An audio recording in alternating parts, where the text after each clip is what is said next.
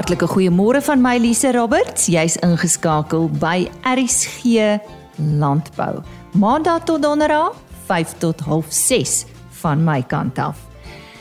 Soos jy weet, herhaal ons 'n paar van ons hoogtepunte van die afgelope jaar en uh, vir oggend praat ons oor kraglyne en voëls. Ja, kraglyne hou dikwels 'n bedreiging in vir ons voëlspesies. Ons gesels met die bedreigde wildlewe trust hieroor. Dan gaan kuier ons daar in die Karoo saam met Karen Venter by 'n seibok haar produsent wat ook tabak produseer. En Dr Karel Miller vertel vir ons hoe die aanplant van 'n karopboom goed is vir die omgewing en as veevoer kan dien. En ons begin sommer hiermee. Op die Facebook-blad Boere Gesels is raad gevra oor die aanplant van bome vir voerproduksie, veral vanaf boere in die droogtegebiede. Nou verskeie boomtipes is genoem, soos die soetpeel, moringa en uh, seker die bekendste is die suidwesdoring wat 'n uh, prosopis spesies. Nou Dr Karel Miller het raad hieroor en hy gesels vandag met ons uh, oor hierdie interessante onderwerp.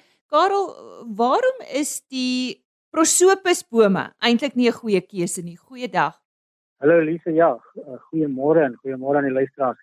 Kyk, die die prosopis bome het eintlik in in onbruik geraak as gevolg van die grootskaalse bosindringing wat dit veroorsaak. Die die boomtipes is hier in die laat 1800s, vroeg 1900s Suid-Afrika toe ingevoer. Uh dit staan ook bekend as die Suidwesdoring of die Mesquite. Dit word in die USA genoem. En destyds het hulle gedink dit is 'n verdroogde voer vir skape en vir brandhout vir die dooddiere dele van Suid-Afrika. Maar nou veroorsaak dit geweldige bosindringing. Jy kan dit maklik sien as jy byvoorbeeld nou sou ry van Calvinia of Appington en dan sien dit is digte boskasies in die in die rivierloope. En daar word eintlik nou heelwat navorsing gedoen om hierdie bosindringing te beheer. So die die probleem is eintlik dat die pele gemaal moes gewees het toe hulle dit gevoer het. Nou die gewoonlik het die skape dit net direk van die grond af gegeet. Die sade gaan deel, heel deur die spysverteringskanaal en dan word dit ontkiem dit maklik omdat die maagsappe daarop ingewerk het. En so versprei dit waar die skape wy en met die sterk pinwortelstelsel wat dit kan kan dit water diep onder die grond gaan uithaal. Nou vandag gesels ons met jou oor die karop boom. Jy beveel aan dat dit aangeplant word. Vertel ons bietjie van hierdie boomsoort. Ja, die die karop of of die Johannes broodboom is eintlik meer bekend as 'n suurboom in huistuine. Mense het baie dikwels sien in in stedelike gebiede op sypaadjies, net veral in in 'n uh, parkeerareas. En dit is omdat die bome ook 'n sterk penwortelstelsel het wat wat die sypaadjie nie opbreek soos wat die geval is met sommige musiekersbome wat ook baie gehard is en uh, dit lyk nie alles ook baie goed bestand in die warm en die droë toestande wat jy in 'n parkeerarea kry. Wat my, mense nie altyd besef nie is die of bekend is nie is die, is die voedingswaarde van pele beide van vir, vir diere en vir mense. En die produkte die produkte wat mense nou normaalweg gebruik sien jy gewoonlik net in gesondheidswinkels. Nou karobome kom oorspronklik van die Mediterrane lande vanaf Spanje tot Suidwes uh, Asië, Israel byvoorbeeld. En in sommige van hierdie lande word reeds in meer as 4000 jaar gebou en as 'n dierevoer vir menslike gebruik ge uh, aangewend. Dit kan maklik bewaar word en dit kan net so geëet word. Die uh, Spanje byvoorbeeld produseer baie karoppoeier en die en die gesondheidsprodukte wat in Suid-Afrika vervaardig word, uh, word gewoonlik ingevoer van Spanje. Net so vir agtergrond, dit word die Johannes broodboom genoem omdat uh, Johannes die doper uh, na alle waarskynlikheid die pele daar geëet het toe hy in die woestyn was die Bybel word genoem dat hy sprinkanig het dit, maar die boom staan ook bekend as die locuspot. En moontlik is die vertaling 'n bietjie te letterlik. En dis waarskynlik ook 'n roppele wat die verhaal van die verlore seun en skape gevoer het. En dan was die sade van die kroppele en daai tye was dit ook gebruik as 'n gewigsmaat omdat dit so baie eenvormig en groot en gewig is. En blykbaar is die woord karate Arabiese woord vir karop. Karel, jy het nou vinnig daaraan geraak, maar kom ons gesels verder oor die voordeel van die aanplant van die boom vir diere. Dit uh die die boom aard vreeslik goed in die meeste omgewings en klimaatstoestande. Dit groei in die Weskaap, dit groei in Pretoria, enige plek groei dit baie goed in die Weskaap. Is ja, sien selfs die beste geskik want die teele val af en is ryp in die somermaande wanneer dit droog is. Dit is natuurlik verskriklike goeie skade weer in die somermaande en en omdat die bome bladhoudend is, is dit dan ook baie goeie beskutting vir die wintermaande. En natuurlik nou deesdae met die koolstofkrediete wat jy kan verdien met met die aanplant vir bome kan jy dit uh definitief bome aanplant daarvoor. Dan het hulle ook uitgewerk dat die pele kan vir biobrandstof gebruik word. Dit is selfs so hoër energie inhoud as as, as suikerriet. En uh met karotboorde is natuurlik ook nie moontlik nodig dat jy jaarliks die grond hoef te bewerk. En uh wat wat ons gaan areas waar dit elke jaar gedoen moet word. Hierdie uh studie wat gemaak is oor die chemiese samestelling van die pele, vertel ons bietjie daarvan. Ja, ons het toe ek destyds uh, gelees het van die waarde van die karoppele, ons het uh, ons het bome gehad wat verskade aangeplant was en ons het die pele toe in mekaar gemaak en ons het toe die pele on onleed uh, die, die heel karoppele, die pele sonder sade en dan ook die karopsade. Nou die die proteïninhoud van die pele is nie baie hoog nie, so in die orde van omtrent so 5 na 6% toe. Karopsade is in die orde van so 17%. Uh Maar wat goed is is die energie inhoud daarvan. Die TVV is ons het nou totale verteerbare voedingsstowwe is oor die 70%. En uh die rede hoekom dit so hoog is is omdat dit hoofsaaklik suiker bevat. Uh so 50% van karopiele is suiker wat in die vorm van sukrose voorkom. So die die potensiaal van die van die bome is eintlik baie goed as jy dink dat bome produseer ten minste 50 ons het selfs gevalle gehad van bome wat 150 kg per boom uh teele produseer. So jy omtrent 100 bome per hektaar het, is die potensiële energie uh, produksie van daai energie baie hoër as die van die tradisionele graangewasse. En wat wys hierdie studie ook ten opsigte van groei rantsoene? Ons het uh, ons het gelukkig genoeg pele kon bymekaar maak vir 'n voedingsproef. Ons het ons het die pele toe nou gemaal in hamermeel. Dis toe 'n kalf aanvangsmeel en 'n kalf groeimeel uh, geformuleer en dit ingesluit teen so 10 en 14.5% en dan bulkalwers gevoer en die en natuurlik het die het die kontrole julle het geen karopele bevat nie. En uh die die, die, die ons het dit dan aan bulkalwers gevoer vanaf geboorte tot 5 maande ouderdom. Kalwers was was swaarder en uh, hulle het 'n groter inname gehad en dit het gelyk asof hulle uh, asof dit die die uh, rantsoene baie smaaklik was. So dit het die studie nou gaan toon dat die gemaalde karopele kan jy dan nou die graan wat nie die eet is skei dan vervang. En ek het destyds het ek die waarde daarvan omtrent so 85% van gas daaraan. En dit word natuurlik ook in in ander uh, dieete gebruik kan word. Het jy raad oor die aanplant van hierdie bome in Suid-Afrika? Ja, ek sou ek sou sien graag wou sien dat uh dat mense dit meer aanplant veral in die droë dele van Suid-Afrika. Uh jy weet as jy as jy byvoorbeeld by by waterkrippe en 'n uh, klein boortjie kan aanplant so 5 of 10 bome uh sodat hulle sodat hulle so klein uh, ek noem dit klein bos 'n bos kan vorm. Uh die want die een van die probleme van die van die boomsoorte is dat dit 'n enkelslagtige is so jy jy kan nou as jy net enkel bome plant kan jy nou net 'n manlike boom kry dan gaan jy nou geen pele kry nie. Uh as jy dit in 'n kommersiële boersoort plant, die jaars nie saak kan mense dit nou um, 10 10 meter binne in die ry en 10 meter tussen die rye rye. En dan moet hulle maar die eerste paar jaar met julle maar redelik dophou en, en versorg dat hulle dat hulle kan sterk groei. En dan het jy in elk geval 'n 'n boom wat vir die volgende 50 100 jaar toe vir jou produksie gaan lewer wat ek dink ek dink die moeite werd gaan wees.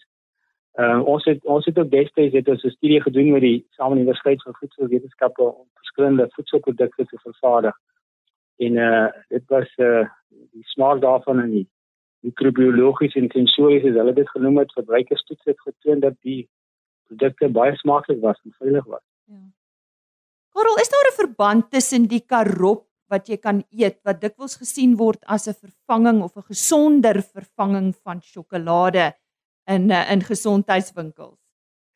Ja, kyk die die karopprodukte wat jy in 'n gesondheidswinkel sal kry, ja. uh, uit die reaksie saak gewoonlik gerig op mense wat uh, diabetes is. Dis reg. Ehm um, dit het uh, dit bevat nie uh, kafeïne soos die gewone sjokolade en kafeïne nie. Vir daai rede is dit dan word dan dikwels gebruik as 'n vervanger vervanger van van van koffie.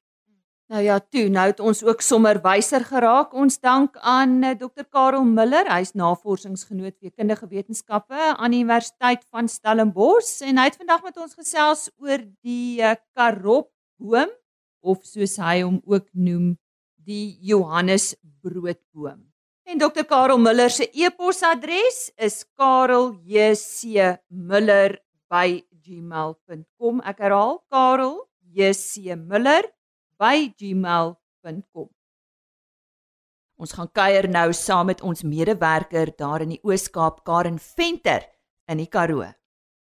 Goeiemôre luisteraars. Ek het ver oggend baie vroeg opgestaan en die bakkie se neus in 'n noordwestelike rigting gedraai op pad na na Jansenwil se wêreld toe net voor Jansenwil het ek die Waterford afdraai geneem wat my op die ou end uitgebring het by Bloukrans en dit is waar Loot Liter boer. Hulle woon op 'n koppie en hulle het 'n pragtige uitsig al is dit ook baie droog op hierdie stadium. Nou ja Loot, ek voel baie bevoorreg om vandag hier by julle te wees. Hallo Karen. Jo, ek is baie bly jy kon jou weg oop sien in hierdie stowwerige pad op pad na Bloukrans toe. Baie welkom. Ek boer sedert in die 84. Die omgewing het definitief verander as gevolg van droogtes en klimaatsverandering. Ek moes daarbey aanpas en het gediversifiseer met ander vertakkings te begin. Ek is hoofsaaklik 'n seibokhaar boer en het ook besproeiing. Nou een van jou boerdery aktiwiteite is tabak hier in die einste Oos-Kaap. Jy het al vroeër vir my vertel dit gebruik baie min water en dat oestyd alreeds binne 16 weke kan plaasvind. Hoe het jy op hierdie gedagte afgekom? Ek het 'n artikel gelees waar Louis Trigger, 'n latere groot leier in die groot trek tabak op Somerset Oos geplant het. Ek het gedog, waarom nie in Peerste nie? Ek koop plantjies en plant dit op drupperlyne wat baie min water gebruik. Ek het 'n tweedehandse tabakskuur gekoop en dit kom oprig by my waar die tabak hang. Oestyd is net na my skee in Februarie van die Angora bokke en dan duur dit gewoonlik so 2 weke. Om tabak te plant teken jy 'n kontrak met 'n tabakhandelaar waar onder andere ek my Universal tabak plant waar hulle vir jou kontrakprys gee. As jy nie tevrede is met die pryse nie, moenie tabak plant nie want dan kan jy dit miskien tot 'n verlies lei. Die opbrengs per tabak is min of meer tussen 3.2 ton na 4 ton. Dit bring naaste by 'n netto inkomste van ongeveer tussen 80 en 100 000 rand per hektaar. Ek kan vir meer mense aanbeveel in die Karoo. Wel, ek weet nie of julle sal saamstem nie, maar dit klink vir my asof die tabakproduksie gogga verloot liter lekker gebyt het hier in die middel van die Karoo en dan behalwe vir die feit dat jou seibokhaar produksie nog altyd die hoofvertakking van jou boerdery is, loot het jy ook intussen begin om as agent vir mede seibokhaar produsente op te tree. Wat presies behels dit? 'n Bietjie meer as 'n jaar gelede het ek saam met ons Wessel Cornelis wat jare ondervinding in die bokhaarbedryf vir besigheid begin waar ons bokker namens produsente hanteer. Ons wil graag 'n vrye mark in die bokkerbedryf hê. Ons wil waarde toeg vir bokker sodat die produsent meer daaruit kan kry. Bokker is absoluut 'n unieke vesel en ek dink daar lê 'n groot toekoms in dit. Loot en dan nou net so op 'n laaste trant, het jy enige raad aan iemand wat daarin dink om te diversifiseer? As jy diversifiseer, moet jy goed beplan. Diversifiseer sodat jou bedryfstakke mekaar bots nie. Ek glo aan die wet op dalende meer opbrengs. Moenie bedryfstakke afskeep ten opsigte van van mekaar nie en baie belangrik, volhard in die bedryf. Daar is baie geleenthede in die landbou. My seun Mike het ook nou met 'n skeerdiens begin. Dit sal eendag 'n groot bydrae tot ons besigheid bring. Daar is 'n mark daarvoor. Luisteraars, daar het julle dit. Daar is 'n baie goeie moontlikheid dat tabak 'n goeie opbrengs kan lewer en as jy nou dit saam met die seibokhaar sit, dan kan dit mos nie verkeerd gaan nie. Enige iemand wat verloot liter wil skakel en bietjie met hom wil gesels of 'n WhatsApp vir hom wil stuur, kan dit doen by 082 789 6095. Baie dankie. En so sê Karen Venter.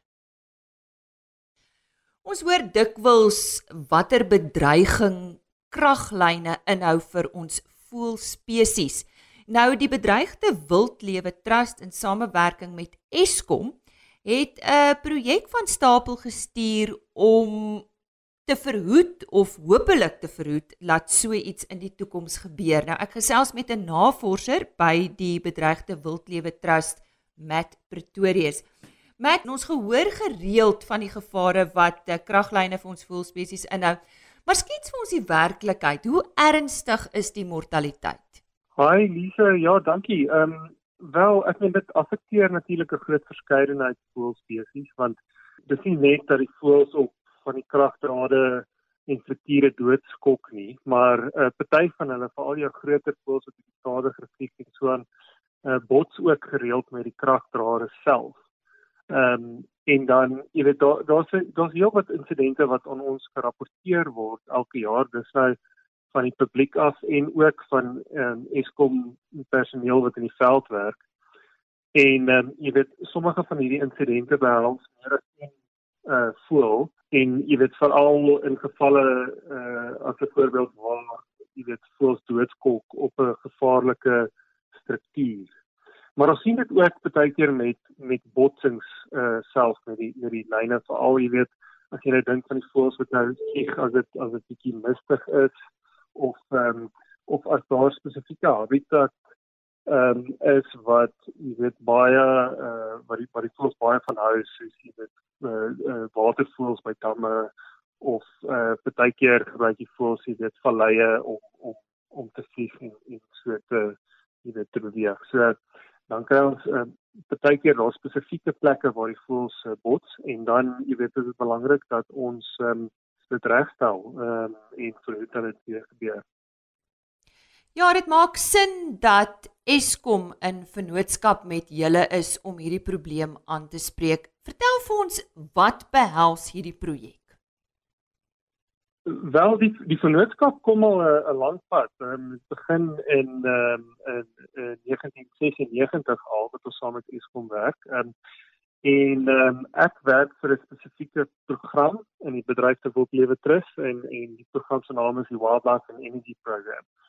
En ehm um, ons spesialiseer daarin om hierdie tipe insidente, jy weet, aan te spreek. Ehm um, en daar is daar is verskeie fasette van ons werk. Ons ons ons hou 'n database van al die insidente wat aan ons gerapporteer word en dan natuurlik dan gestel ons ondersoek in om te gaan vasstel, jy weet, wat is die oorsaak van hierdie insidente.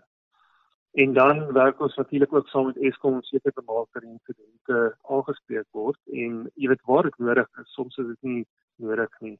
Ehm um, ehm um, maar jy weet soms behels dit dat jy weet van die kragpale verander moet word na 'n meer veilige ontwerp. Ehm um, en jy weet in die geval van voëls wat by die kragdrade bots, ehm um, gebruik ons ehm um, goed wat ons noem bird flight alerts of of flappers in Engels. Ons kan dit maar seker uh, vlaggies noem in Afrikaans. Nou die flappers lyk like soos klein vlaggies wat wapper in die wind en ehm um, jy weet en dit maak dit die die kragdrade 'n bietjie meer sigbaar vir die voëls. En beskryf bietjie vir ons die manier hoe julle nou hierdie probleem gaan aanspreek. Waarmee het julle nou vorendag gekom? Wel, ek meen, ehm um, ons doen ook natuurlik ehm, 'n um, navorsing op nuwe metodes wat ons kan gebruik om die kraglyne vir voëls en ander diere te beveilig.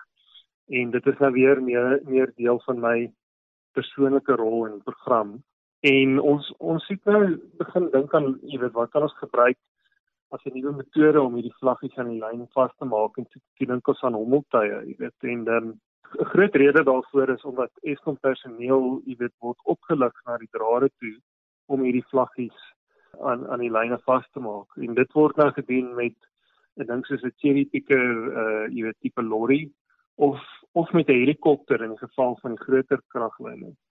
En ehm um, jy weet en, en met 'n helikopter word die helikopter baie naby aan die kragdrade gevlieg sodat iemand wat jy weet op op die landingstoerusting sit kan vorentoe leun om die vlaggie aan die lyn vas te maak. Jy weet so dit dit is 'n baie gevaarlike ja, so. jy weet metode wat ja. hulle gebruik as jy nou so daaraan dink. Mm. En jy weet uh, as jy nou dink as hulle die werk um, op 'n lewendige lyn doen, is daar ook boonop die ekstra uh, risiko van elektriese skok. Jy weet natuurlik natuurlik word die uh, Eskom se personeel baie deeglik opgelei om dit te voorkom. En hulle het ehm um, jy weet baie stelsels wat wat dit verhoed, maar dit sal altyd veiliger wees om nie die 'n persoon fisies in daai situasie te plaas nie. Hmm En jy weet dit is nou waar ons gedink het aan om uh, om 'n hommeltuig uh, te gebruik om dit te doen. Hmm. En nou interessant genoeg, ek lees dat julle het nou iets spesiaal ontwerp om die hommeltuig te kry om hierdie vlaggie aan die kraglyn vas te kan sit. Vertel ons bietjie daarvan. Ja, so dit is jy weet ons het deesdae wonderlike tegnologie, ehm um, nie net met die hommeltuig self nie, maar uh, maniere wat 'n mens uh, hierdie tipe goed kan ontwerp. Jy weet, ehm um, so ek het um, ek het 'n meganisme waar die vlag vlaggies aan die hommeltuig vasmaak en in die lug vashou en dan ook toelaat om um, om hulle aan die lyn te kan vasmaak ontwerp. Ehm um, deur om 'n 'n driedimensionele model te skets en dit dan uit te print of te bou met 'n met 'n 3D printer. So, ons het dit so gebou en ehm um, jy weet en en dit is vasgemaak aan 'n uh, spesiale tipe steelglas ehm um, stok wat ehm um, jy weet goedgekeur is om om te gebruik op 'n lewendige kraglyn. Jy weet so dit is die is dieselfde tipe stok wat die wat die ouens gebruik as hulle gewone werk doen aan 'n aan 'n lewendige kraglyn. Maar dit moet ek nou natuurlik 'n manier ontwerp om om hierdie uh, meganisme, dit is amper soos 'n tipe magasyn wat wat vier van hierdie vlaggies op een slag kan um, in die lug en opvat en dan aan lyn vasmaak. En julle moet natuurlik goedkeuring kry om hierdie vlaggies aan die kraglyn vas te sit, is ek reg? Ja, ek ek ek moet sê dit kom al hierdie kom al 'n lang pad ehm um, as gevolg daarvan. Jy weet dit is dit is nie net natuurlik by Eskom wat ons um, baie toestemming kry om hierdie tipe werk te te kan doen nie, maar ook ehm um, deur die South African Civil Aviation Authority. Nou hulle reguleer die gebruik van hommeltuie in Suid-Afrika. Is veral waar dit gebruik word vir kommersiële doeleindes of selfs in geval van van navorsing waar jy 'n nuwe metode of stelsel ontwerp ehm um, is daar verskeie uh, lisensies en sertifikate en goedkeurings wat 'n mens nodig het van hulle. Jy weet nie net het jy nodig om uh, 'n uh, loods um, lisensie te hê vir jou vir jou hommeltuig nie, maar maar die uh, die hommeltuig self moet 'n lisensie kry. Hy kry hy kry ook 'n uh, 'n nommerplaat net soos wat 'n gewone kar kry. Ehm um, en dis dieselfde tipe proses, jy weet, maar dan as as 'n maatskappy wat met hommeltuie werk moet jy dan ook uh, gesertifiseer word. Ehm um, en so dit is 'n dis 'n lang dis 'n lang proses en dit ehm um, dit verg nogals baie tyd en en baie opleiding as ook uh, as ook heelwat van 'n begroting om dit te kan doen. So het julle julle eie so, hommeltuig vlieëniers wat ehm um, wat dit ja, nou doen. Ja, Ja, ek is self opgelei om dit te doen. Ehm um, so ek het ehm um, ek het uh, gevlieg toe ons nou ons um, ons uh, stelsel getoets het in die veld en, en so aan so ehm um, ja, ek het ek het nou ek het nou gegaan van 'n uh, water af na 'n uh, hommeltuig vlieënier en uh, dis 'n vlieënier so dis 'n Dis ja. 'n baie interessante ja. loopbaan wat ek nou. Kom ons gesels bietjie oor die toetsprojek want ek uh, ons moet tog weet of dit werk of nie. So hoe het julle die ding getoets? Daar was verskeie goeders wat ons moet doen. Ons moet eers natuurlik bevestig dat die hommeltuig self veilig kan vlieg binne die elektromagnetiese velde van die groot kragdrade. Ehm um, jy weet wat 'n hoë stroomspanning het. Ehm um, so dit het ons gedoen by die National Electrical Test Facility. Die hommeltuig self was ehm um, nie erg geaffekteer daardeur nie en ehm um, toe kon ons aangaan na die volgende fase van die projek wat natuurlik is om dit in die veld te gaan toets. Hmm. Ons het dit eers um, getoets by 'n uh, ons tipe van 'n opleidingsfasiliteit wat Eskom het om die ouens op te lei wat aan die lewende kraglyne werk.